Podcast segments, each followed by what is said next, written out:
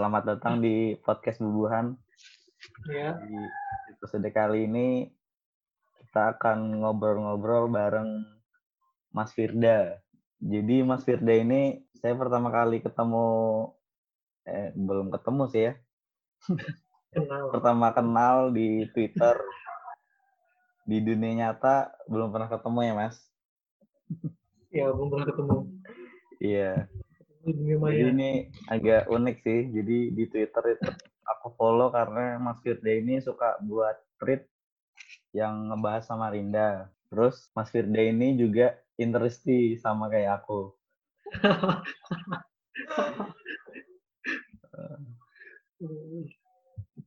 Gimana kabarnya Mas? Sehat? Alhamdulillah sehat. Gimana di sana? Di Cikarang aman sih. Eh, Kalau di sini ya dibilang baik, ya baik, positif banyak terus. Iya, katanya Kalsul tinggi juga ya? Uh, aduh. bahaya di sini. Uh, mengerikan. Itu karena transmisi lokal apa dari luar? Ah, kebanyakan transmisi lokal. Hmm, Jadi kan yang paling banyak itu Banjarmasin, terus satu itu Kabupaten apa ya Tanah Laut. Nah, Tanah Laut itu banyak dari apa? Goa itu. Oh, yang dari Goa itu ya. Kalau di Kalsel kan yang lokal. Hmm. Tapi kayak mall-mall gitu udah pada buka mas di sana. Ah, mall itu sebenarnya nggak pernah tutup. Oh, nggak pernah tutup. Ya, tapi kalau di mall kan ada kayak hypermart gitu, Hmm. ada apa? ah, apa sih Transmart itu terbuka. Tapi kalau yang jual-jual yang kayak jual baju gitu itu tutup. Tutup ya. Oh, Jadi ke mall itu sama kayak di sini sih. Iya. Hmm. Tapi kalau kemarin sih waktu PSBB itu mending belanja di mall sih, soalnya sepi. Hmm. Iya. Kalau belanja di luar mall kan wah itu antriannya. Apalagi di pasar tuh biasanya ramai. ya, di pasar wah. Ini mas, mau nanya mas, Ya, mau jawab. kenapa jadi interisti mas? Kenapa ya? Sejak kapan? Ah, sejak kapan suka Inter itu pertama gara-gara Ivan Zamorano. Oh, Wah, Jam Morano. dulu kan Ivan Zamorano, Zurkaev kan itu. Zaman Hmm. berapa ya waktu masih SD? Yang Nah, nomor punggungnya ada plusnya itu ya.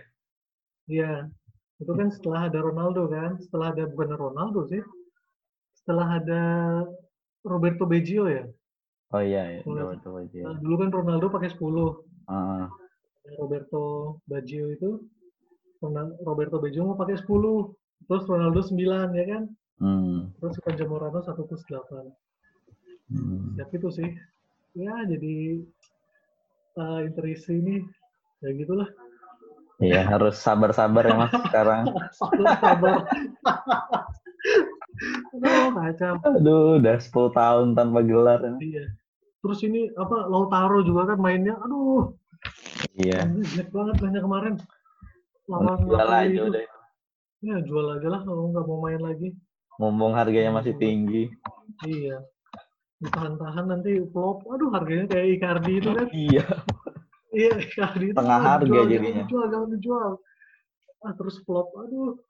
Harganya cuma ya udahlah. Hmm. Jadi Inter dulu waktu di Jogja itu sering nonton bareng waktu kuliah dulu. Oh.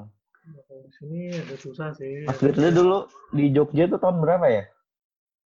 Ah, 2005. 2005, 2010.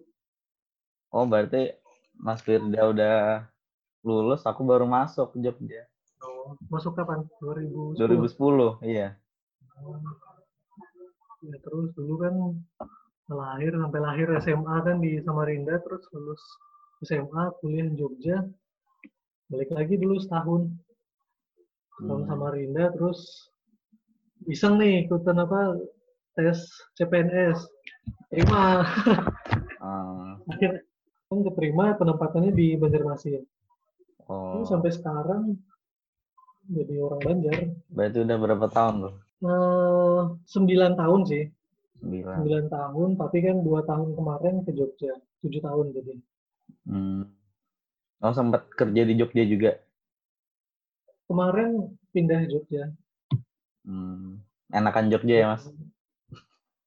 Ah, dibilang enak Jogja, sekarang Jogja nggak enak jujur. Jogja Iya. sekarang itu oh, macet beda ya. Oh beda Jogja. Dibanding zaman dulu kan, kita kita Ah. dulu itu masih enak. Sekarang Jogja itu mau liburan, macet nggak liburan. Sama Ya, aja. macet juga sama aja. Hmm. Enak Jogja sekarang. Ya tapi dibanding kalau misalnya kangen ke Jogja itu masih oke lah. Tapi kalau tinggal di Jogja, aduh, ya Hmm. mending di anu lah. Kayaknya Jogja sudah nggak nyaman lagi, kurang nyaman, Kurang kurang nyaman nyaman. Jogja. Iya, Dulu di mana-mana. jurusan apa mas? Di UGM ya? Apa di mana? Dulu di UI, UII. Hmm. dulu UI itu eh, teknik informatika.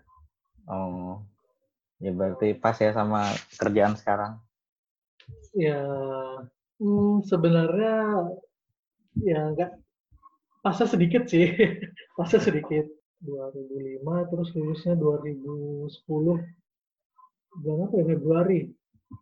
Lulusnya Februari balik sama Rinda sebentar, setahun lah balik. Berarti kalau ke Samarinda cuma buat lebaran doang. Orang tua masih di Hmm. Samarinda? Orang tua masih sama Rinda, semua sama Rinda masih. Hmm. Balik itu, nah dulu kan, eh, dulu sampai 2018 kemarin wilayah kerja itu kan Kalimantan Selatan, Kalimantan Tengah, sama Sulawesi. Hmm. Nah, terus sejak 2018 itu jadi Kaltim, pindah ke Kaltim. Oh. Jadi semenjak eh, balik ke Banjar itu 2019, ya beberapa kali, beberapa kali ada kerjaan kan di Samarinda. Di Samarinda, di Balikpapan, jadi sempat main gitu, mampir. Hmm. Sebelumnya itu setahun sekali ya, pas lebaran. Kadang juga kalau misalnya sempat gitu kan, sempat pulang. Eh, sejak nikah, itu ganti-gantian. Jadi Oh. dua tahun sekali, tiap tahun lebarannya. Istri kan di Boyolali. Oh. Nah, jadi gantian tahun ini Boyolali, tahun ini di Samarinda, gantian. Baru pertama kali ini gara-gara copet ini di Banjar, lebaran. Baru pertama kali. Berarti terakhir ke Samarinda kapan mas? Terakhir itu Februari, Februari kemarin. Nggak Februari kemarin, masih Nah, baru. Jadi ada kerjaan di Balikpapan kan, hampirlah sehari, mau sehari Samarinda. Hmm. Hari ini kemarin datang, hari ini besoknya pulang. Yang dikangenin apa tuh mas selain orang tua? Apa ya di Samarinda itu ya? Sebenarnya Samarinda itu jadi nostalgia sih, nostalgia makanan gitu kan. Ah, makanan Samarinda ya. Tapi ya kalau kelamaan Samarinda kayaknya bosan ya sekarang. Iya. Samarinda, aduh sudah nggak enak lagi ya. Nggak seperti Hmm. dulu lagi. Ya makanan sih, makanannya ada yang nasi kuning Samarinda itu sama di Banjar beda loh. Oh beda ya? Ya itu aku mau tanyain Beda. juga deh. Salah satu pertanyaan aku pengen tanyain. nasi kuning Samarinda tuh beda. Lebih enak ya kalau lidah kan dari kecil biasa nasi kuning Samarinda ya. Hmm, bedanya apa mas? Samarinda nasi kuning. Hah? Bedanya gimana? Kalau di Banjar itu pertama nasinya itu kan nasi Banjar itu Hmm. beras Banjar itu kebanyakan sih kebanyakan pakai beras Banjar itu tapi ada juga yang beras biasa Beras Banjar Terus kalau misal- gimana ya? beras Banjar itu ah, apa ya Eh, eh, nggak bulan Nggak pulen. Beras itu- Oh berarti dia Eh, misa-misa dong. hancur itu misa-misa ha, misa-misa Oh, kalau misalnya nasi goreng gitu kan dibuat nasi goreng sering misa-misa kan nasinya iya iya iya. nah beras Banjar tuh gitu Hmm. terus kalau Banjar itu kalau Samarinda kan nasi kuningnya ada serondeng terus ada tempe gitu kan Iya. kadang ada minyak. Nah kalau di Banjar tuh nggak ada nasi kuning, terus eh, ya sudah mau pakai haruan gitu kan bumbu merah sudah itu aja. Oh tapi bumbu merah tuh ada juga di Bumbu Banjar. merah ada, Kalau di Jawa kan nggak ada tuh bumbu merah. ya Jadi ada kalau di serondeng gitu ini kan, kan kering gitu ibaratnya. Hmm, Oh. ada tempe. Kalau di Samarinda tuh enak nasi kuningnya enak. Lauknya gitu sama ya haruan, Nah lauknya haruan, telur, ayam. telur, ayam. Hmm. Ya, Tapi sama sih. Kalau aku lihat itu yang di Lambung Mangkurat itu Hmm? kan jadi kampung nasi kuning tuh yang di Samarinda. Heeh.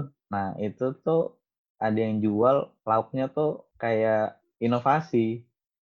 Jadi kayak Oh. ada udang, Oh, iya iya, pernah dulu beli di situ. Kayak kan ya, rasanya beda ya jadi ya? Iya, jadi kan katanya kan nasi kuning, nasi kuning Iya.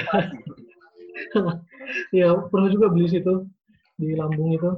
Beli Heeh. ada ada udang, macam-macam jadi Iya, macam-macam kayak kayak di warteg tapi pakai nasi Iya, kuning. kayak di warteg. Hmm.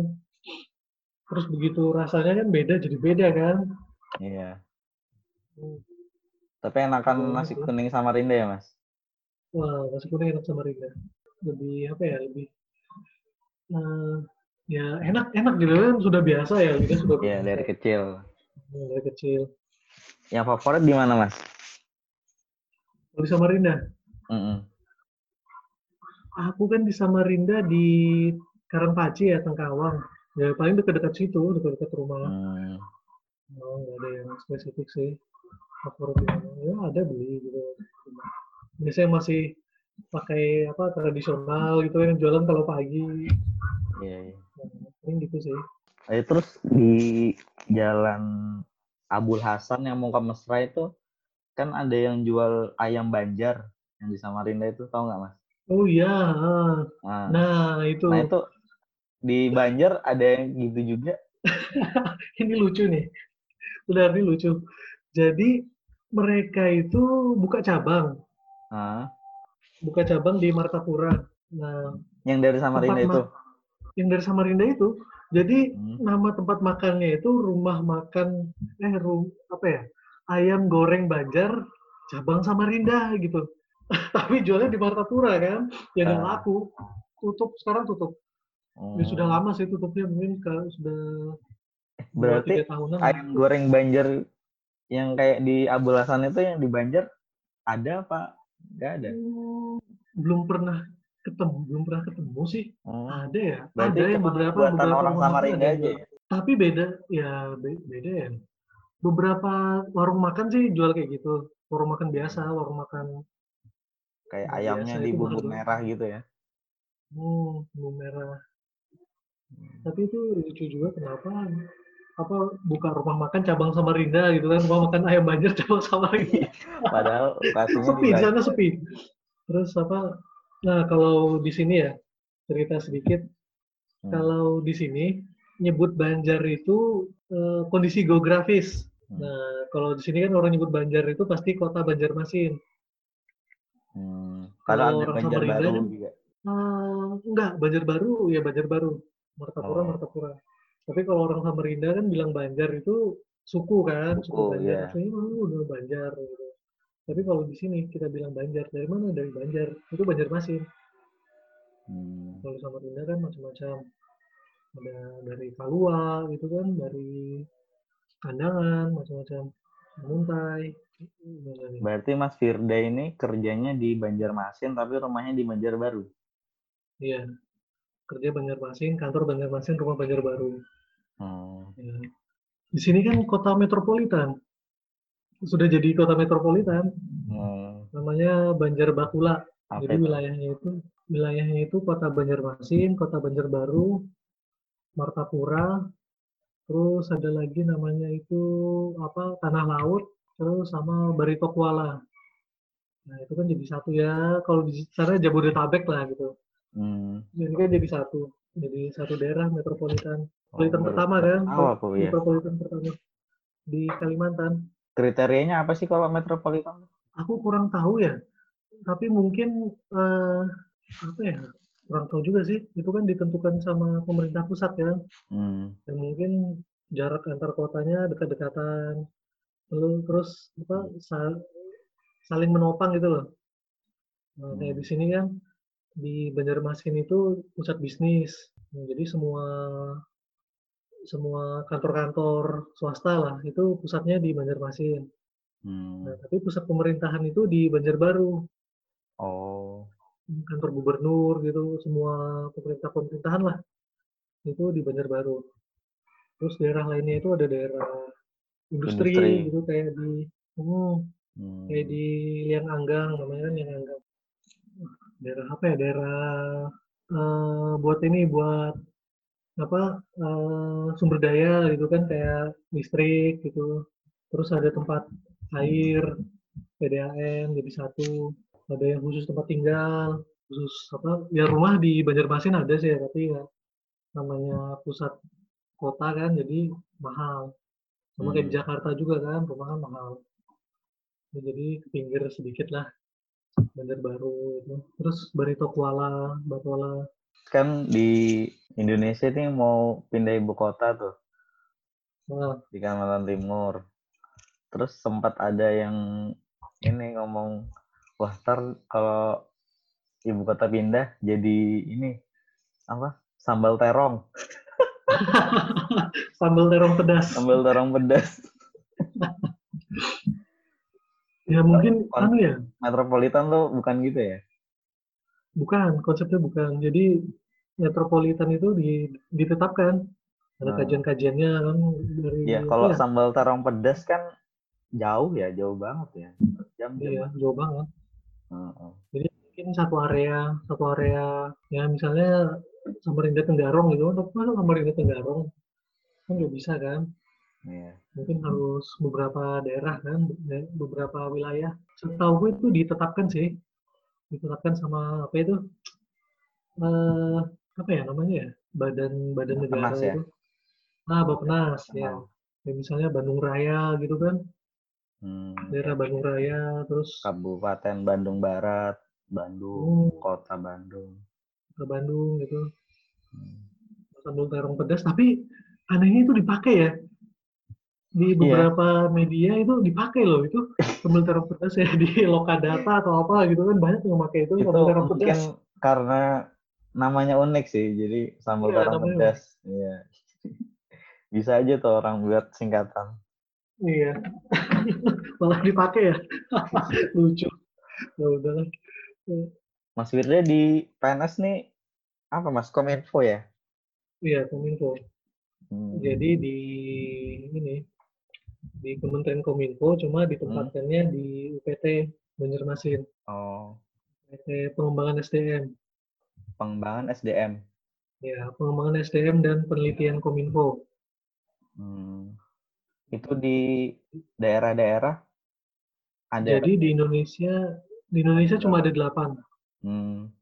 di Medan, di Jakarta, Bandung, Jogja, Surabaya, Banjarmasin, Makassar, Manado. Cuma Hmm. delapan. Tapi kayak membawahi misalnya di Banjar, Kalimantan Timur sama mana Hmm, gitu. Hmm. ya, jadi masing-masing eh, balai itu masing-masing lokasi itu membawahi banyak provinsi. Hmm. Kayak di Banjar kan itu Kalteng, Kalsel, Kaltim. Yang misalnya di Jogja itu Jogja, Jawa Tengah, sama Bali gitu. Ada wilayah-wilayah ya. Iya. Ada bocoran nggak Mas? Ke depan Kominfo mau ngapain? Ya susah ya COVID ini. COVID ini sebenarnya me- membunuh semua, Ah, membunuh semua rencana gitu kan. iya. Kominfo ke depannya kalau dari tempatku ya di Hmm. Litbang itu tetap sama DTS itu Digital Talent Scholarship Hmm. masih masih tetap berjalan itu. Jadi kemarin sudah ini sedang berjalan itu yang online academy.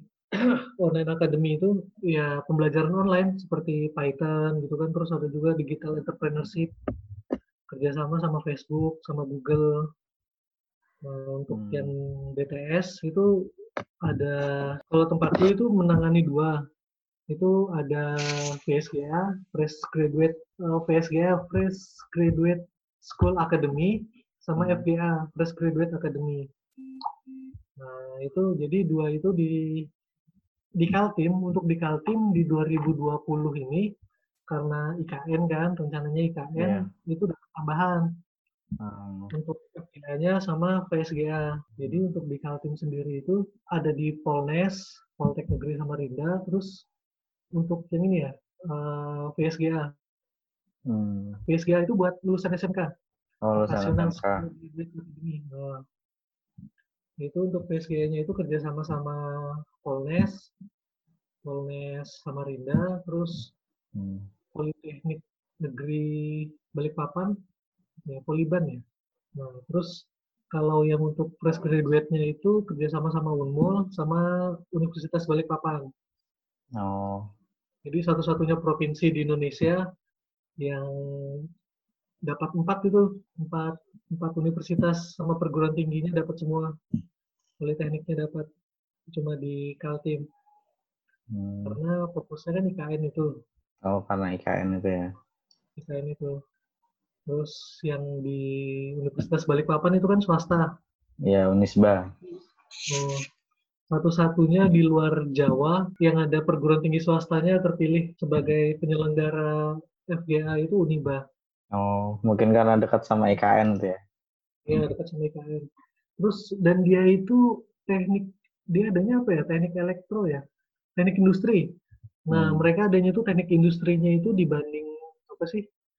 Eh, ITK lebih baik ini lebih akreditasinya lebih tinggi lebih tinggi Uniba Oh. dibanding apa? ITK makanya kaget juga kan loh ini Uniba dipilih ternyata akreditasinya lebih tinggi. Apa mungkin karena masih baru kali ya di TK. iya masih ya jadi itulah yang sedikit peran untuk memajukan Samarinda ya.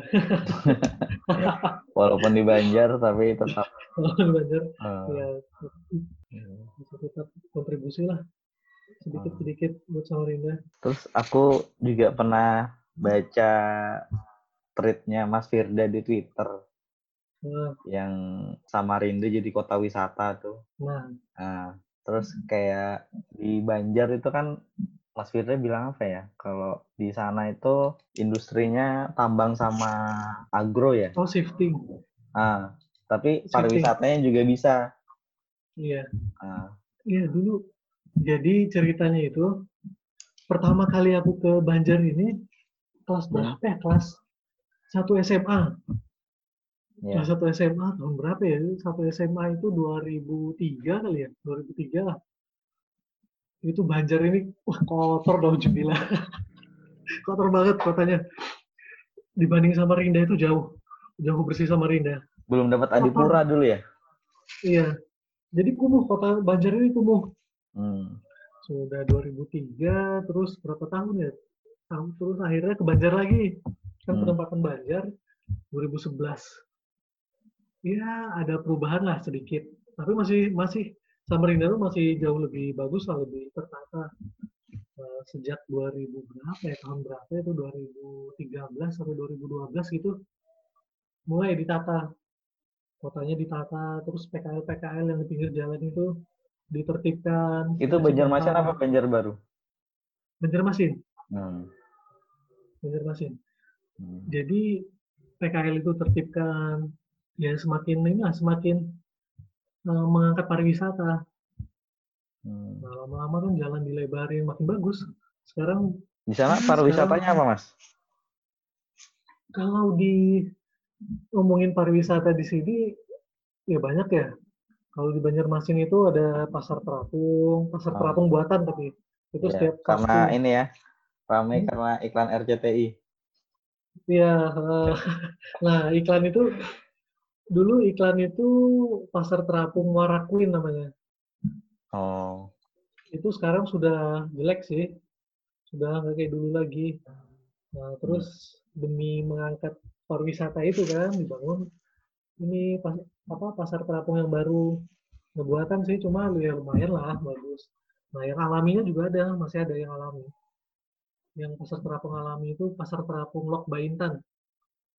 Hmm. Nah, itu di Lok Baintan itu masih masih alami, orang jualan beneran di situ. Jualan sayur, jualan ikan, jualan gorengan, jualan lauk pauk gitu. Hmm. Nah, masih alami, terapung masih alami. Itu jaraknya berapa ya? Sekitar satu jam, Oh, jauh udah sampai ya. satu jam dari Banjarmasin itu ya 30 menit lah kalau jalan darat.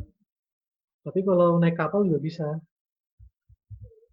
Naik kapal itu sekitar satu jam.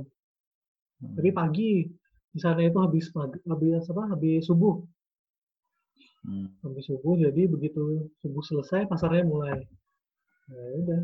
Jadi kalau mau ke sana pakai kapal itu harus pagi-pagi jam 4 gitu. Ya. Hmm. Di sana ya, sungainya warnanya kayak Mahakam Samarinda Mas? Ah, sungai kalau di Banjar sini ada, sini kan paling besar itu kan Sungai Barito. Mm-mm. Nah, tapi kalau yang melalui Banjarmasin itu Sungai Martapura. Ini Banjarmasin sampai Martapura itu namanya Sungai Martapura. Itu kalau dibanding luasnya semana ya? Mungkin lebarnya sekarang mumus kali ya. Oh. Eh, sekarang mumus, lebarnya sekarang mumus. Nah, itu dijadikan wisata itu, wisata susur sungai. oh. Kan hampir hampir kan Banjarmasin kan kota seribu sungai ya, walaupun sebenarnya sungainya nggak sampai seribu. Iya. sampai cuma 100 berapa? 170-an paling. Nah, jadi sungainya itu banyak yang nyambung. Hmm. Nah, di situ dipakai buat wisata, wisata susur sungai. Kalau di Samarinda kan belum pernah juga sih. Gimana ya susur sungainya? ya? Hmm. Kalau di situ ada yang susur sungai masuk ke perkampungan, ada yang di sekitar Pasar Martapura itu. Eh, Pasar Martapura, Sungai Martapura. Hmm. Di sekitar Sungai Martapura itu dari Pasar Terapung kan, Pasar Terapung yang buatan tadi. Setiap hari Sabtu jalan, nanti ada Kampung Biru. Kampungnya itu dicat biru semua, pinggir sungai. Hmm. Terus ada Kampung Hijau. Nah, terus mutar balik lagi.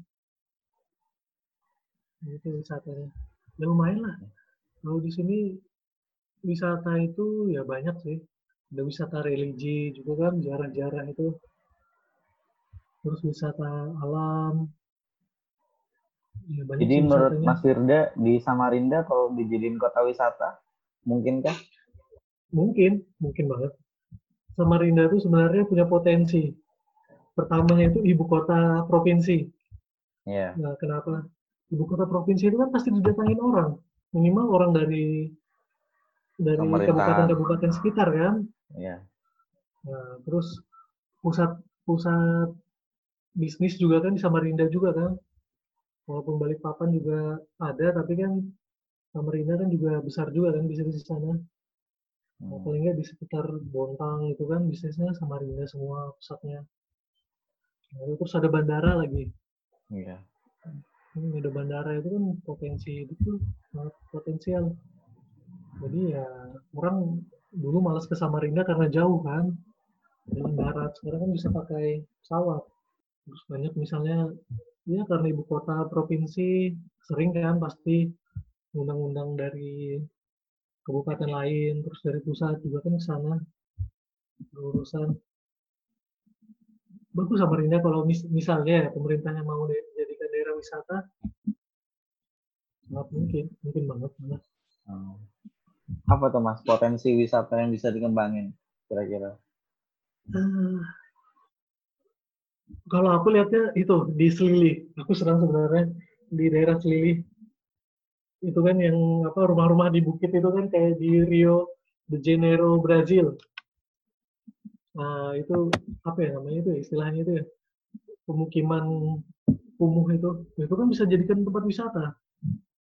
Kalau misalnya pernah ke Jogja ke apa itu? Eh, Taman Sari. Oh iya, Taman Sari. Nah, Taman Sari itu kan kita jalan di rumah-rumah kan, Iya, rumah. ada jual lukisan, ada jual apa kaos-kaos, ada jual macam-macam lah, ada jual ini sepanjang jalan. Nah itu di kawasan Selili sampai apa sih namanya itu Biawan, itu bisa jadikan gitu, Hmm. Jadikan gitu jalan parkir ini jalan setapak nanti misalnya ada yang jual lukisan, eh, sejarah Samarinda gini gini gini gini misalnya. Ada yang jual macam-macam lah di sana. Bisa.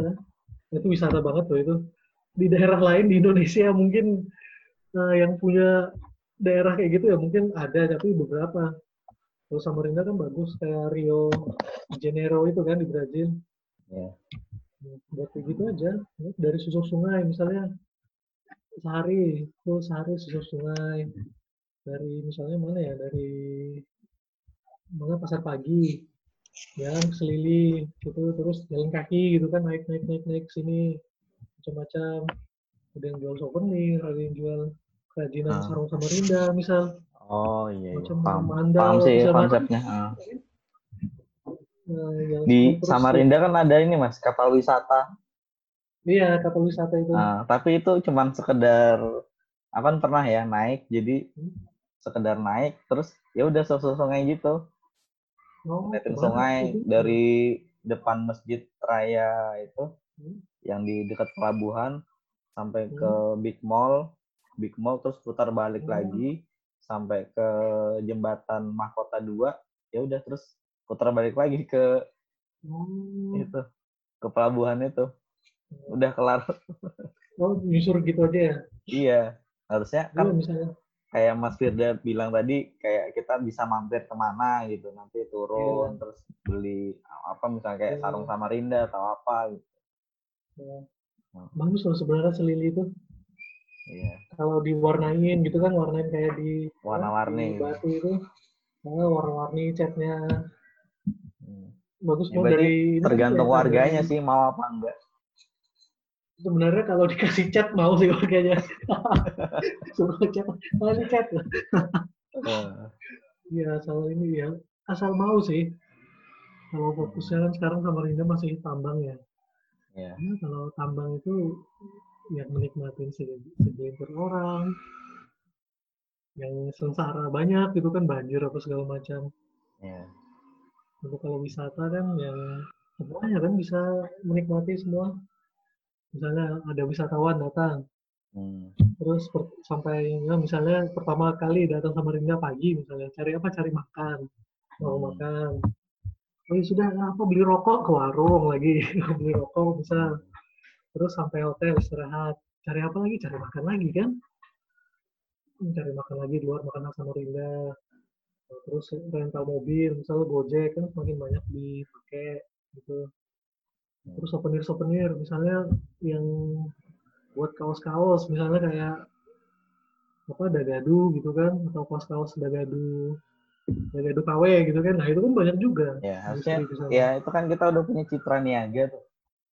Hmm. Hmm, harusnya bisa dikembangin sih. Iya, Citra Niaga itu kan itu harusnya bisa Hmm. di tempat Eh, wisata. tapi kan. aku dengar-dengar sekarang Citra Niaga itu eh, lapak-lapaknya tuh kayak banyak coffee shopnya mas. Oh, Hmm, Iya, konsepnya bagus. gitu. Jadi kafenya itu ada yang di dalam terus ada yang di luar, duduk-duduk di luar gitu. oh, nah. Hmm. Tapi aku belum belum lihat sih. gue belum pernah sih. Kemarin itu ya nggak sempat kan jalan-jalan. Oh gitu ya. Iya. Terakhir kali sering ke Citra Niaga tuh waktu SMA. Ah. Beli anu koran bola di sana ada yang jual ada yang jual Oh, majalah kan ada jual koran-koran Iya, di situ. Gue sering setiap apa ya setiap Jumat tuh kayak koran bola itu apa Kamis. Nah, sekarang terus kan banyak akhirnya jadi tempat oleh-oleh kan. iya. Cuma ada berapa toko ya itu dulu ya. Terus nggak pernah lagi jarang lagi di sana. Apa ya image-nya itu sudah ini ya Citra Niaga nggak kayak kita dulu kan waktu kecil itu. Iya, dulu kan kita ke sana ada yang main-main sepeda-sepedaan. gitu. iya. Terus banyak jualan kelapa muda gitu kan. Iya. Terus sekarang image-nya itu apa ya? Ya mungkin bisa dirubah sih. Hmm. Masih bagus. Padahal bagus loh dapat apa itu award award itu kan ada kan Iya. award itu Agakan apa apa tuh namanya? bisa jadi apa? Dengar-dengar sih eh, Pemkot udah ada nyiapin buat jadi kawasan apa gitu. Citra Niaga mau di rebranding lagi lah ibaratnya. Oh iya bagus sih. Citra Niaga itu kawasan ini mungkin apa? eh, kreatif ya barbershop misalnya kan. Ya, mungkin. Dulu aku waktu kecil diajak potong rambut tuh di Citra Niaga loh pasti. Iya. Waktu kecil. Iya Citra Niaga. Potong rambut di mana Citra Niaga. Hmm. bagus sebenarnya tapi karena image-nya kan ya waktu kita besar ya waktu kita besar itu kan image-nya jadi berubah kan Hmm. tenaga itu tempat inilah apa macam-macam lah jualannya kotor kumuh segala macam hmm, kalau misalnya dianukan lagi rebranding bagus sih Iya. Ternyata. Hmm, Kalau ini mas wisata alamnya? wisata alam ya paling tam- tanah merah gitu kan Samarinda itu terus Air terjun. Pampang, air terjun, tanah merah, Pampang. Nah, itu- aku pernah ke kebun raya Samarinda kapan ya? Kebun raya Oh, udah lama itu banget itu. Pasti. Lama banget. Aku 2000, eh, 2015 apa ya? 2015 ke sana, aduh kasihan. Itu bukan merawat binatang, tuh membunuh binatang di sana itu. Jadi dikasih bangkai gitu, aduh kasihan elangnya. kasih bangkai udah urus lah nah, terus apa yang kemarin itu yang air terjun di mana itu di Sempaja masih ke sana itu ya Oh. itu bagus sebenarnya dulu pertama kali dan terakhir ke sana waktu SMA jadi nggak pernah lagi ke sana sebenarnya Hmm. itu Aku bagus terakhir ke sana tuh dulu 2017 sih ke air terjun itu. jalannya Tapi masih ya jalannya ya masih kadang jelek, kadang ya. bagus gitu. oh, Terus masuknya lewat mana bisa ma- eh, jadi dari bukan mana dari ya? misalnya motor itu harus jalan lagi ke dalam atau Oh ya, sudah harus jalan lagi ke dalam. mau jalan lagi ke dalam Hmm. Iya. Terus tempatnya tuh ini mas, banyak sampahnya tuh. oh iya sih Ah, ah. Yang permasalahan daerah wisata itu sampah sih Iya. Ya, Ini kalau aku lihat ya, kalau aku perhatikan, kalau yang ngelola itu pemerintah entah kenapa tuh kayak nggak terurus. Tapi kalau yang ngelola swasta bisa jadi iya bagus. iya sih soalnya itu tadi soalnya kan kita ya gimana ya Samarinda itu masih bergantung sama tambang itu kan Hmm. ini susah sih lepas dari itu satu taman taman Samarinda itu gimana? Belum pernah sih. Cuma cuma muterin aja taman Samarinda. Itu bagus ya. Aku belum pernah pernah ya? pernah lewat sih. Kalau lewat pernah, cuman kalau ya eh, ke situ terus jalan-jalan duduk-duduk itu belum pernah. mau ke sana itu gelap itu loh. Tempat wisata harusnya kan terang gitu kan. Eh, itu malah malam sini gelap pasti banyak nyamuk ya sudah lah. Di anu aja lain kali aja terus aku heran juga sama menaranya itu loh. oh. Ternyata menara itu bentuknya apa ya iya. Ternyata karena kerja sama-sama XL kan. oh, oh itu XL Iya. bentuk XL oh iya iya iya mirip ya itu Eh, XL tapi kan harusnya tuh oh bisa nggak kayak gitu gitu loh. Coba buat yang iya mencerminkan kota kita gitu. iya iya sih apa pesut atau apa tapi pernah ini lihat jembatan baru Yang di mana tuh? yang jembatan ini jembatan Mahakam baru yang Oh, belum. Aku terakhir pulang kan tahun lalu tuh. Belum oh belum itu nyambung kan. di sana itu bagus pesutnya jadi ada patung pesut Hmm. sebelum naik sebelum naik itu kalau Naik mau dari mana? seberang Oh, seberang. sebelum seberang itu ada apa ada patung pesut tuh bagus patung pesutnya bagus ya mulai situ bagusnya bisa foto-foto gitu. Tapi tengah jalan kan cuma apa ya tengah jalan tengah-tengah. Hmm. patungnya bagus tinggi banget. Ya semoga lah ada ini kemajuan Samarinda Samarinda itu ya apa eh gimana ya mau ngomongnya? Ya perkembangannya itu lambat ya. Ah. kalau aku lihat sih perkembangannya lambat. Ya, mungkin karena ini juga kan kotanya terlalu besar kan Samarinda Ya. kotanya terlalu besar jadi ya mungkin anggarannya nggak cukup kali pemerintahnya itu jalan-jalan banyak yang lobang terus terlihat kumuh gitu loh karena apa ya eh, kurang tertata lah Iya. Kita nggak pernah dapat adipura dari dulu. ya nggak pernah kan ini aja di Kota sebelah dapat terus. kalau itu udahlah gak usah di gak usah kalau mau nyontoh kota sebelah ya kayaknya berat gitu kan. Nah, ini contoh Banjarmasin lah. Banjarmasin itu ya patut dicontoh kalau misalnya pemerintahnya mau hmm. bisa dicontoh. Apa nih Ini hal yang bisa dicontoh? Ah, menata kota. Nah itu menata kota Hmm. Banjarmasin bagus. Terus dapat adipura terus kan Hmm. dari tahun kapan ya? Dari 2016 tuh ya? Atau 2015 itu dapat terus. Tapi kan adipura ada tingkatan-tingkatan kan? Iya. adipura biasa. Terus yang bergengsi itu kan Balikpapan itu adipura kencana yang paling tinggi yang paling tinggi. Hmm. Yang Banjarmasin itu adipura biasa. Dia lumayan lumayan bersih sekarang. Banjarmasin Banjarbaru dibanding dulu pertama kali ke sini dibanding Samarinda lah Samarinda kan jalan aja lubang terus macet kan sekarang wah macet Samarinda nah yang buat Kendaraan bertambah ya tapi jalanan itu itu aja. kalau menurutku Samarinda itu jadi terlihat kumuh merasa ya Samarinda tuh kumuh Iya. merasa kan itu soalnya Nah. yang eh, dari jalan terus kan ada selokan itu gorong-gorong Hmm. Nah, gurung-gurungnya itu ditutup pakai papan, papan kayu, ya kan? Hmm. Nah, jadi coba itu dicor atau gimana gitu kan pasti rapi. Dibuat ini, dibuat apa trotoar. Pasti rapi. Coba lihat Samarinda trotoar di mana trotoar? Jarang kan ada trotoar. Tuh. Malah ini pembatas jalan yang dikeramikin. Nah, bener. ya, ya itu nggak ada loh di mana-mana.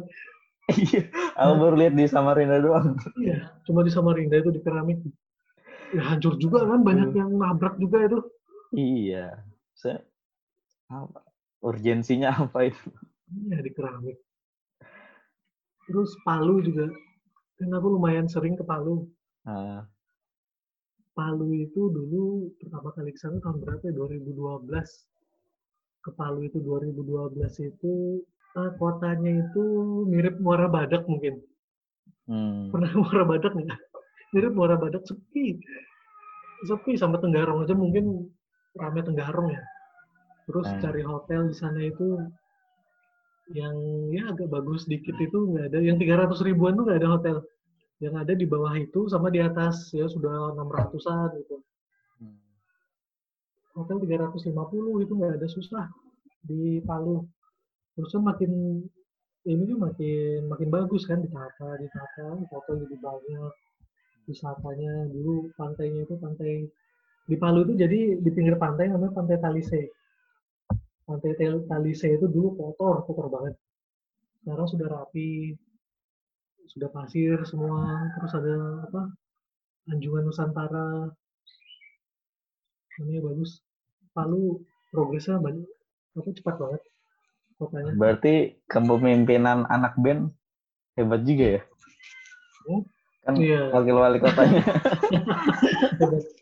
Dia hebat. Vokalis band. Karena kan? Wali kotanya kan masih petahana kan? Petahana Ah. ya? Petahana kayaknya sepertinya petahana Palu bagus kotanya. Bersih. Oh dulu kayak Muara Badak. Lebih ramai Tenggarong malah. Hmm. sekarang ramai banget Palu wisatanya di mana-mana gitu kan. Tempat makannya. Ya, Balik lagi mas di Banjar itu Hmm. banjir nggak sih? enggak enggak ada banjir. Nggak ada. terakhir banjir itu kapan ya? Di Banjarmasin ya? Kalau Banjarbaru kan kotanya kan di atas tinggi Hmm. Banjarbaru kan kotanya tinggi. Jadi kemungkinan banjir ada, tapi banjir Genangan-genangan genangan, paling. genangan air, Oh, Hmm. genangan air. Tapi di daerah di daerah sana itu yang rendah itu banjir kok. Kalau air lewat gitu kan di Jontres itu banjir. genangan. Soalnya kan daerah tambang itu. Berarti dia tambang kan Tambang- Mas Firda tadi bilang di Banjar sungainya banyak ya? di Banjar tuh 170-an sungai. Nah, berarti dia sungainya emang fungsinya bener gitu ya. Kalau kayak di Samarinda kan eh, sungai-sungai ini kayak Karangmumus itu kan udah kritis Oh, banget di ya. laut ya. Iya, kalau di Banjarmasin itu sungai difungsikan buat Hmm. aliran air. Iya. Buat aliran. Tapi ada juga yang jadi selokan. Ya, ya lumayan banyak gitu jadi selokan, tapi fungsinya masih masih sungai, Hmm. masih untuk alir apa aliran air itu. Jadi Banjarmasin itu kotanya 16 cm di bawah permukaan air rendah. Oh. Nah, tapi nggak pernah banjir. Hmm. Banjir itu banjir ah, terakhir kali itu waktu 2012 atau 2013 itu gara-gara air pasang. Jadi Hmm. kayak apa tsunami kecil atau apa gitu namanya. Nah, itu banjir. Lumayan kantor itu tenggelam, motor itu tenggelam, motor itu tinggal Oh, dikit lagi itu ya. tenggelam. Hmm. Tapi cuma sebentar. Banjirnya itu dari cuma sebentar, cuma setengah hari apa ya dari jam beberapa jam gitu. Hmm. Dari sore itu jam 2 atau jam 3 itu malam sudah turun. Hmm, cepet ya. Kalau Samarinda kan lumayan tuh. Jadi kalau di sini banjirnya apa hujannya itu tiga hari gitu, Hmm. tiga hari hujan-hujan terus ini aja mendung-mendung baru kemarin. Hmm. Ya kalau ngobrol-ngobrol yang di podcast yang bahas banjir kemarin sih, itu gara-gara yang dulunya rawa-rawa dijadiin Iya. bangunan. Iya, itu sih. Kalau di Banjarmasin, itu sungainya dikerok terus. Hmm. Jadi setiap, ya karena aku jarang lagi ya lewat situ. Dulu itu mungkin setahun, setahun sekali apa setahun dua kali gitu dikerok sungainya. Jadi kalau sudah dikerok sungai itu, ah jalanan tuh bau gitu kan. Oh. Hmm. Dikerok terus sungainya, jadi ya aliran air itu bagus. Aliran air bagus gitu kan, apa ke sungai, sungai. Sungainya itu kecil-kecil. Sungai Banjarmasin itu Kayak selokan. Gitu. selokan, ini namanya sungai, tapi dalam. Begitu di bawah itu kan dalam. Sungainya kadang mandi gitu kan bisa dibuat ini, dibuat apa kayak tangga-tangga itu loh. Ada yang Hmm. salah satu sungai itu dibuat tangga-tangga jadi mandi, mandi di sana. Ramai sekarang musim corona aja anak-anak libur kan makin ramai di sana mandi di sungai. Hmm. Dibuat apa ya kayak kolam renang itu kan ada yang tangga-tangga di bawah air gitu kan. Dibuat gitu. Ini jadi jadi tempat hiburan Iya. di sana pinggir sungai. Terus pinggir sungainya itu dikasih taman. Ada yang apa alat-alat olahraganya itu Hmm. olahraga terus ada ayunan ya kecil-kecil gitu aja bagus kan tertata Di Kalsel ini nggak sih mas? Banyak crazy rich Kalimantan ya sih?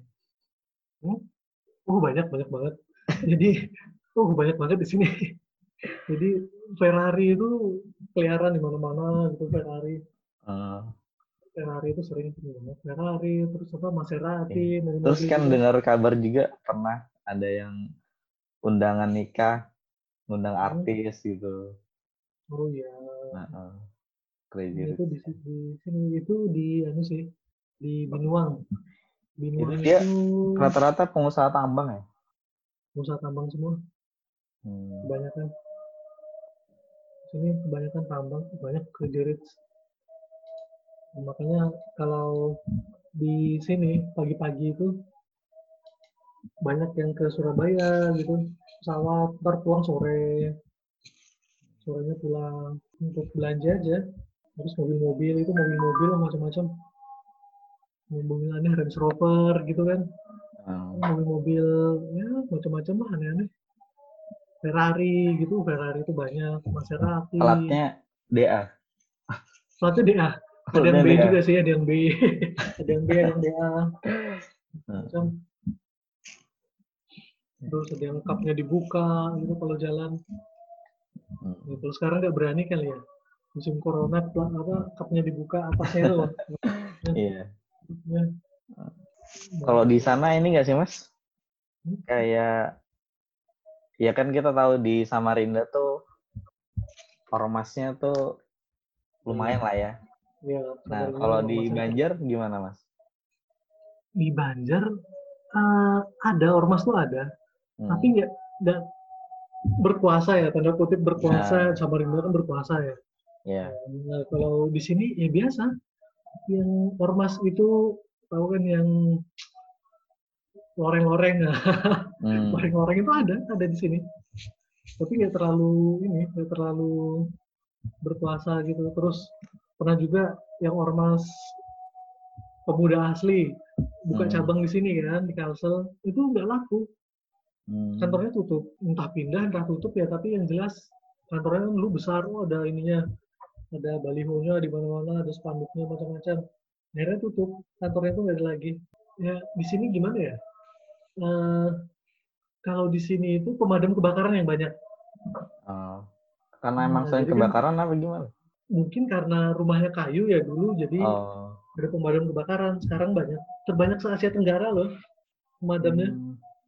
Jadi setiap RT itu mungkin satu. Nah, jadi orang-orang yang yang berpotensi direkrut ormas, di Samarinda ya direkrut ormas dalam tanda kutip, Di itu situ. jadi lebih baik mereka jadi pemadam.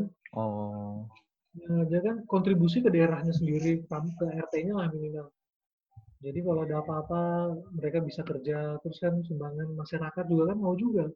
Hmm. Ini dijaga, ini ya istiqlasnya kasih sepuluh ribu atau berapa gitu kan. Hmm. Ya, jaga Ya mungkin di Samarinda banyak ormas anggotanya tuh mungkin nggak punya pilihan kali ya. Iya Jadi kan kalau di Samarinda nih kalau aku amatin uh, kayak parkir liar gitu kan dipegang sama Oh. ormas daerah ini daerah ini. iya kalau di sini parkir parkir itu pemadam Hmm. tim pemadam di di daerah itu Hmm. Nah, misalnya ini pemadam sini misalnya pemadam apa ya pemadam eh, kampung ini misalnya RT ini ya udah misal ada acara apa itu ya kayak pasar wadai lah. Pasar wadai itu kan di, di banyak kan tempat parkirnya pasar Ramadan. Kalau Samarinda kan pasar Ramadan namanya. Iya. kalau di Banjar itu pasar wadai. Ada ya. nah di pasar wadai itu banyak parkir parkir nah di situ ormas yang pemadam pemadam itu warga-warga sana itu kan yang Hmm. ini apa jagain parkir. Makanya di sini kalau setiap kali kebakaran itu nggak pernah besar ya paling banyak itu lima rumah lah kebakar. Cepat ya. karena pemadamnya banyak. Jadi ya itu deh wisata itu sebenarnya di Banjarmasin. Kalau ada kebakaran jadi kalau ada kebakaran wah pemadamnya itu banyak. Macam-macam Hmm, warnanya. di- ditontonin. jadi iya tontonin nontonin tuh nonton pemadam yang ke sana ke TKP nontonin semua. Ini kan ngebut-ngebut kan minggir jadi semua orang minggir. Jalan kosong. Hmm. Jalanan kosong ya udah pemadam ngebut gitu kan senang. Anak-anak itu nonton gitu. Jadi ya orang senang juga nonton pemadam. Itu jadi ormasnya mungkin daripada yang nggak jelas ya maksudnya bukan semua yang daripada Mending diberdayakan eh, untuk ya mending Kepentingan bersama ya. kampungnya sendiri. Eh, Iya. ini kontribusi kampungnya sendiri kan? Oh, ini kalau di gitu. eh, di Samarinda malah dipelihara. Iya. Misalnya ngomongin Samarinda itu. Parkir gitu kan terus ada dikit-dikit ormas dikit-dikit ormas. Nah, ya terus sebenarnya baliho-baliho di mana-mana. ya baliho-baliho. Di sini nggak ada loh. Iya. yang stiker-stiker gitu kan stiker-stiker di belakang Nah. mobil. Lo apa aja heran kok Samarinda ini banyak stiker-stiker gitu kan di belakang mobil itu wah ini ini ini di sini nggak ada Hmm. ya walaupun ormasnya ada ya ormas ya ormas loreng-loreng itu adalah orange gitu Iya. Hmm, tapi stiker-stikernya tuh nggak ada aneh kali ya kalau orang sini Iya. pakai ya Bangga banget. Hmm, kalau di Samarinda kan bangga banget sampai ada tiga tumpukannya kan ini ini ini Iya. ini, ini. macam-macam. ya Samarinda kalau misalnya ketemu mobil belakangnya dengan stiker ormas nah itu sudah sampai Samarinda. Eh kalau di Banjar sana tuh ada ini nggak sih mas kayak branding logo gitu kayak di Jogja tuh kan ada tuh kita Jogja Nah, Ah, kalau Banjarmasin apa ya? ada nggak di sana Kalau Banjarmasin aku kurang tahu ya Banjarmasin ya. Kalau Banjarbaru itu ada sih Banjarbaru kan berkarakter. Oh, jelek banget. Banjarbaru namanya berkarakter. sempet nggak mas Banjar- yang dulu tuh kan di Samarinda ada yang logo tuh Samarinda Magnificent Oh, Magnificent Samarinda itu ya. Samarinda Iya. Magnificent.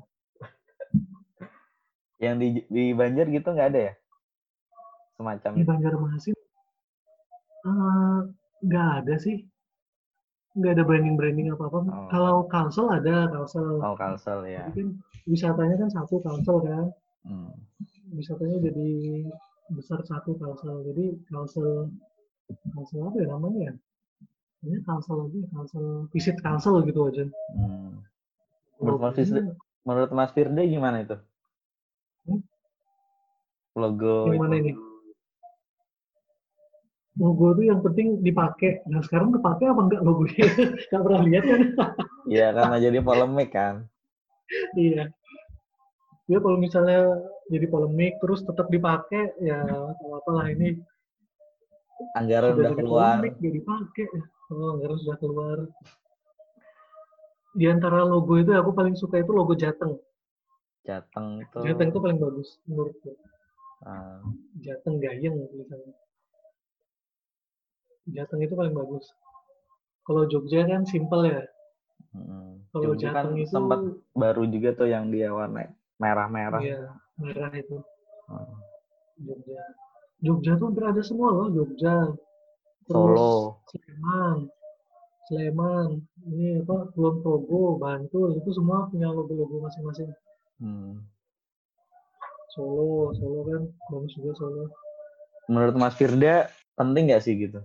Suatu sih daerah punya logo gitu. Penting sih sebenarnya supaya branding kan, branding logo terus eh, apa ya untuk mengajak investor lah. Investor lihat ini wisatanya Samarinda gitu. Kalau kita misalnya jalan baju Jogja itu kan senang juga kan. Iya. Jogja ini Samarinda misalnya. Tapi ya sudah mahal-mahal buat logo nggak dipakai ya sia-sia sih sebenarnya. Kalau misalnya mahal tapi dipakai ya nggak nggak masalah sih ya ya udahlah dimaklumin. Eh, Ini kayak pernah di Iya. Samarinda mana logonya mana cari-cari logonya nggak ada logonya. Nggak dipakai. polemik kan gara-gara katanya ngikutin ini kan. Ya Logonya. plagiasi kan. Ya legasi. kayak itu loh coba eh, pemerintah pemerintah lain ya itu setiap kali posting di Instagram misalnya itu kan ada di bawahnya logonya gitu Hmm. Nah, ini mending pakai gitu lah siapa wali kotanya Sehari Jaang meninjau banjir misalnya bawahnya logo Samarinda gitu kan ya bagus Hmm. ini sudah mahal-mahal nggak dipakai lagi Jadi, kalau misalnya Jogja itu kan dipakai semua ya di kop apa di kop eh, pemerintahnya dipakai gitu kan Ya. di mobil-mobil dipakai semua Di bandara ada logonya. bandara oh, semua free lah pakai itu.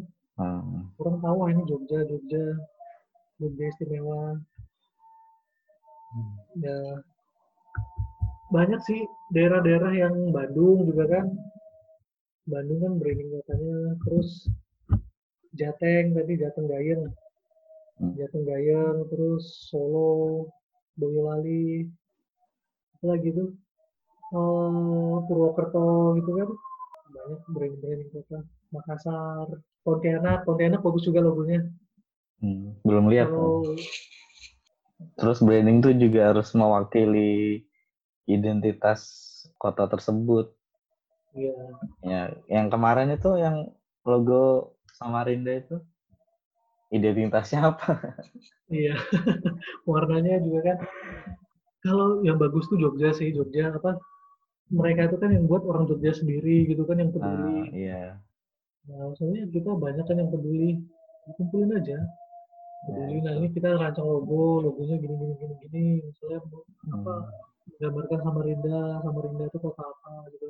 Buatannya mau pemerintahan atau industri atau wisata atau kota apa gitu kan.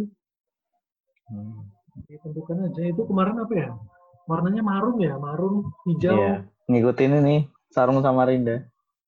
oh sarung Samarinda oh aku baru tahu gitu Hmm. ikutin sama Samarinda Terus pemerintahan sekarang kan nah dia kan sarung Samarindanya tuh warna merah hitam gitu loh, Mas. oh, oh Nah, kan jadi itu ya di gapura-gapura oh, Tuh, bagus ada sih sudah warnanya itu. Sudah anu ya sudah ya kenapa nggak itu aja ya dijadikan apa gitu branding atau apa gitu kan? Apa yang motifnya itu kan motif Samarinda yang motifnya. garis-garis itu kan? Iya. Hmm, garis-garis kotak merah hitam itu kan? Ya, merah hitam ya. Ya bisa ciri khas. Merah hitam itu warung ini kan? Kalau banjir kan kalsel kan kuning kuning apa kuning merah biru gitu kan warna-warni. Sebenarnya bagus sih niatnya sudah bagus. Cuma ya namanya sudah anu ya sudah dibeli kan mahal-mahal. Iya. ya udahlah dipakai. dibeli aja lah selesai terus. Ya kalau berani kan harusnya pemkot "Eh, ini kita nggak mau pakai ini gitu kan. Iya. karena ada unsur plagiat. Terus ganti misalnya kayak Jogja kan sempat gitu. Jogja yang logonya mahal-mahal itu. loh yang Jogua tulisannya Jogua Oh iya iya. nah itu kan sempat itu polemik juga kan Ah, ah, terus diganti kan. karena hmm, diganti yang sekarang itu kan dari macam-macam kan semua unsur dari seniman budayawan semua ikut Nah semua iya. Harusnya kolaborasi. iya kolaborasi itu kalau misalnya kita ini buatkan aku logo gitu. dibayar segini ya orang luar kan apa sih yang dicari itu kan Samarinda Iya. paling googling Paling dia googling Samarinda gitu paling dia cuma be- beberapa hari doang di Samarinda. iya iya. Oh. Yang tahu Oh, Samarinda Samarinda. asli kan orang Samarinda. iya Oh. itu Samarinda ini orang gimana gitu kan Hmm. terus yang banyak apa gitu di Samarinda googling Samarinda oh logonya kayak gini nih apa apa sih itu huruf M ya M M ya M apa apa M M kayak M jembatan Iya. gitu. oh iya M jembatan wah ini Samarinda ada jembatan Hmm. oh, jembatan Sema kalau dibaca kalau dibaca kan kayak Samarinda. A-nya hilang. oh. oh jadi itu gabungan A gitu ya A sama Gabungan. AMA. ya kemarin aku buat juga sih itu Samarinda itu logonya wah, logo Samarinda terus jadi everything Samarinda itu kan Hmm. soalnya kan Samarinda kan ada huruf I-nya itu Ya, in Samarin jadi bisa Kayak itu digunain di- banyak ini. ya. oh, jadi everything in Samarinda Nah, Samarinda kan ya kita mau apa coba Samarinda itu ada semua kan klub bola ada masjid besar ada hmm. mall oh, di di Kalsel ini mall cuma dua mau tiga sekarang Hmm. Samarinda mall berapa coba Bahkan mall Big Mall banyak belum buka semuanya tuh, tenan. Iya, Big, Big Mall aja belum buka semua. Big Mall, Lembus, RCP kan, besar besar. Terus apa Plaza Mulia. Mas Firda kan saking cintanya sama Samarinda buat stiker lain ya mas. Nah, buat stiker lain. Nah. buat stiker lain. Ya, itu pakai baju Samarinda itu kan, Eh, kotak-kotak tuh ya. kotak-kotak. Soalnya kalau di Banjar banyak. Banjar itu kan banyak. Hmm. Sampai bingung milih yang mana stiker lain Samarinda, cari Samarinda nggak ada. Ya udah coba buat Hmm. buat stiker lain. Itu kalau di Banjar sih banyak stikernya yang, yang dari yang bagus sampai yang cuma gambar gambar apa gambar rusak itu ada. Hmm. sama bekantan macam-macam. Nah kalau di sini eh, tempat wisatanya ada namanya Siring. Siring itu apa ya? Siring itu daerah tepi sungai. Hmm. Nah, daerah tepi sungai itu dikasih tempat ya jalan-jalan itu dikasih paving itu mau lari di situ bisa.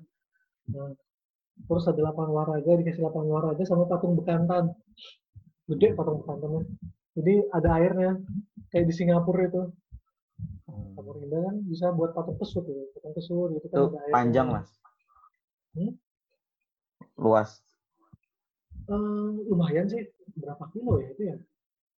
Satu kilo lebih satu kilo ya. Hmm. luas panjang. Running tracknya itu kan? Hmm. panjang. Terus masuk bawah jembatan. Kan jembatan di atasnya. Yang bisa lewat itu cuma jalan kaki lewat jalan itu. Hmm.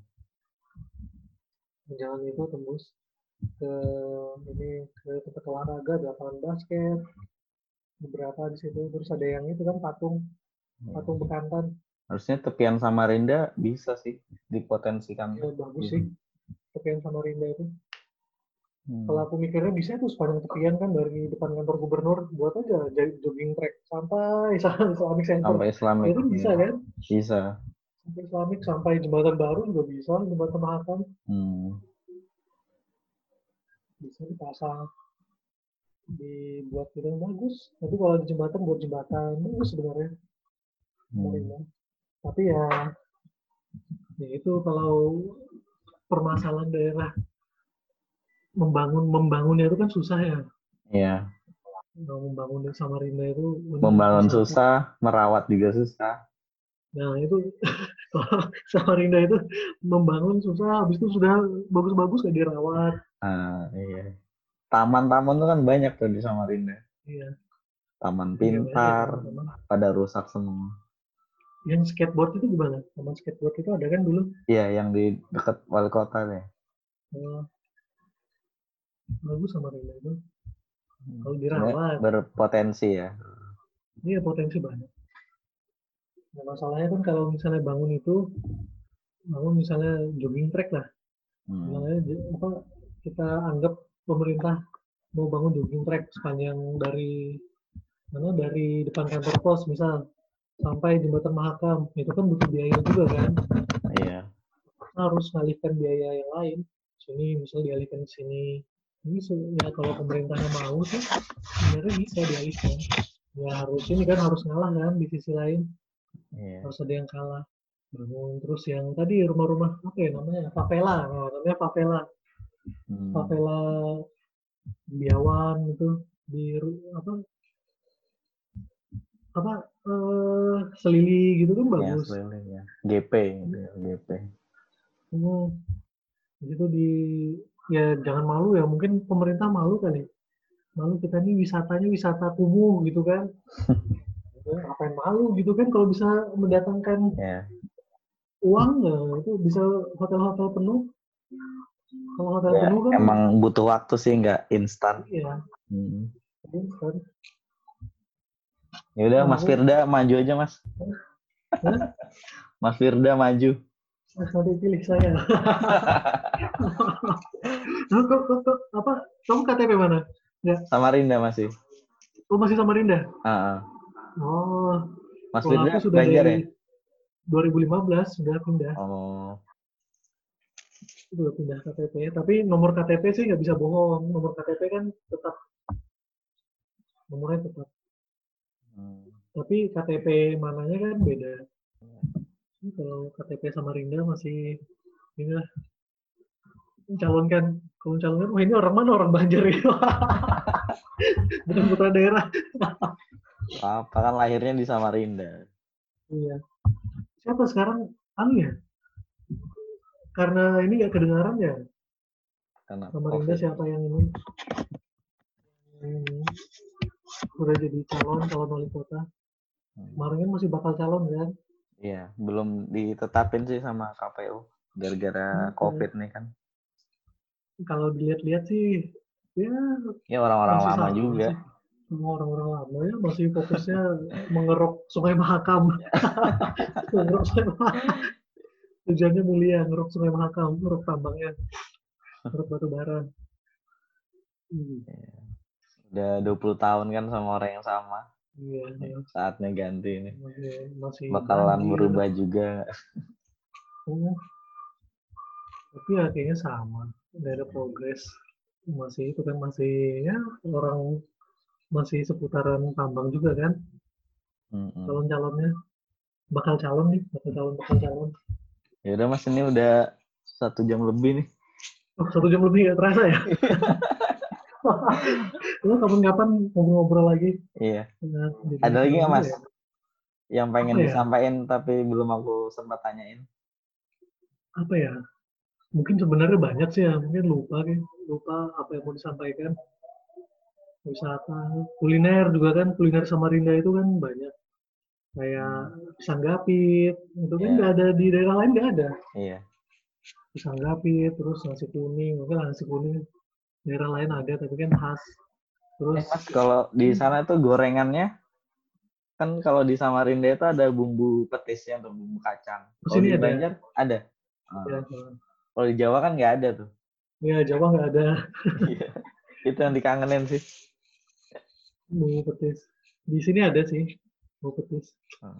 ini apa eh, bubur ayam bubur ayam Samarinda itu aku baru baru senang bubur ayam Samarinda itu saat sudah keluar dari Samarinda Hmm. dulu ah, apa sih bubur ayam ini apa sih bubur ayam Bubur Coba ayam ternyata enak ya banyak kuahnya kayak soto. iya bubur ayam kayak soto kan Iya. ya kan tempat lain nggak ada kan Iya.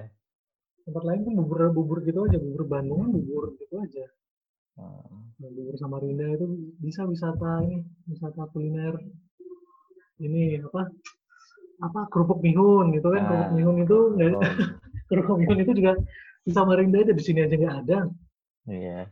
jadi aku pernah itu ke pasar terapung Hmm. pasar terapung yang buatan Hmm. kan ada jual kerupuk Hmm. dari rumah tuh aku bawa mihun terus aku masukkan di situ orang lihat "Ih, beli di mana itu beli di mana baru bawa sendiri kan Itu kerupuknya sama.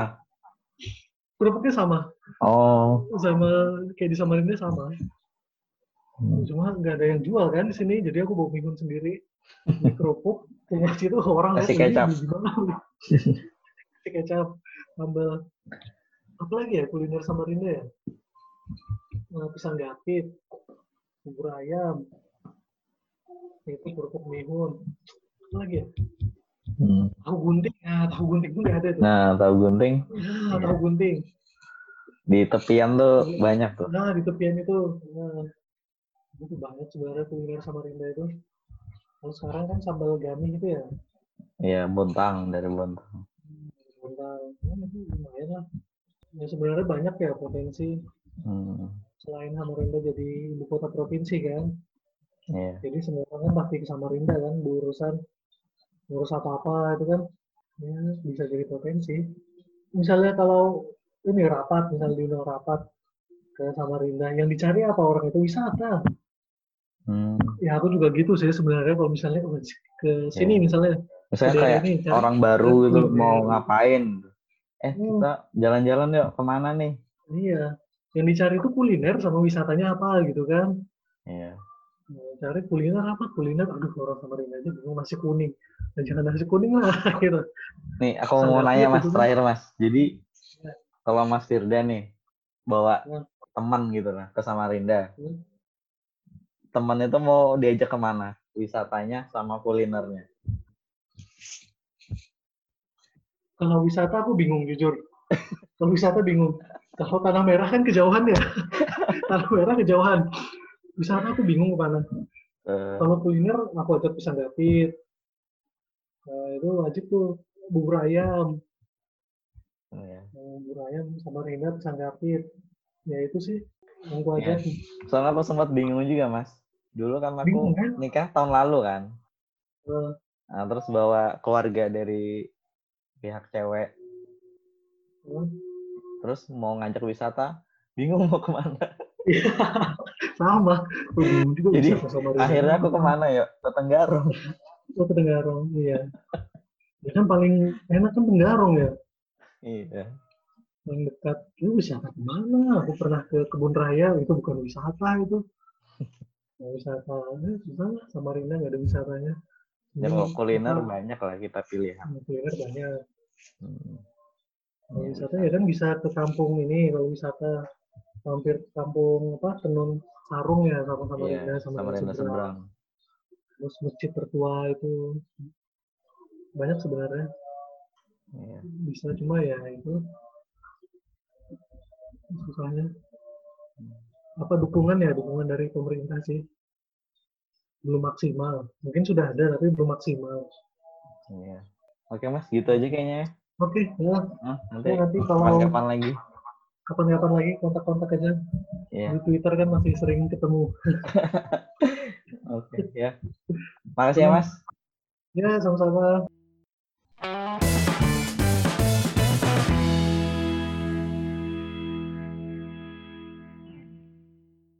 Forja Inter ya.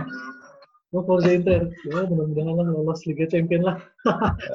Jangan lolos Scudetto berat.